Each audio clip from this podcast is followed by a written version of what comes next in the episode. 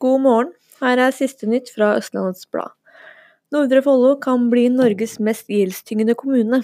Anders Eidsvåg Graben i Senterpartiet er bekymret over den økonomiske tilstanden Oppegård-rådmannen presenterte på et møte i fellesnemnda.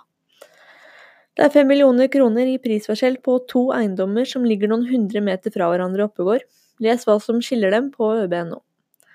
Det begynte, det begynte, å brenne i en brødovn hos Meny i Nordbyveien tirsdag morgen. Brannvesenet rykket ut for å kontrollere, men brannen var slukket innen de kom på stedet. Midt i det sentrale Ski produserer Rune flere hundre liter honning fra 20 bikuber. Og Statens vegvesen venter reaksjoner når en ny del av Oppegårdveien får gang- og sykkelvei. Siste nytt fra Østlandets Blad fikk du av Natalie Kristiansen.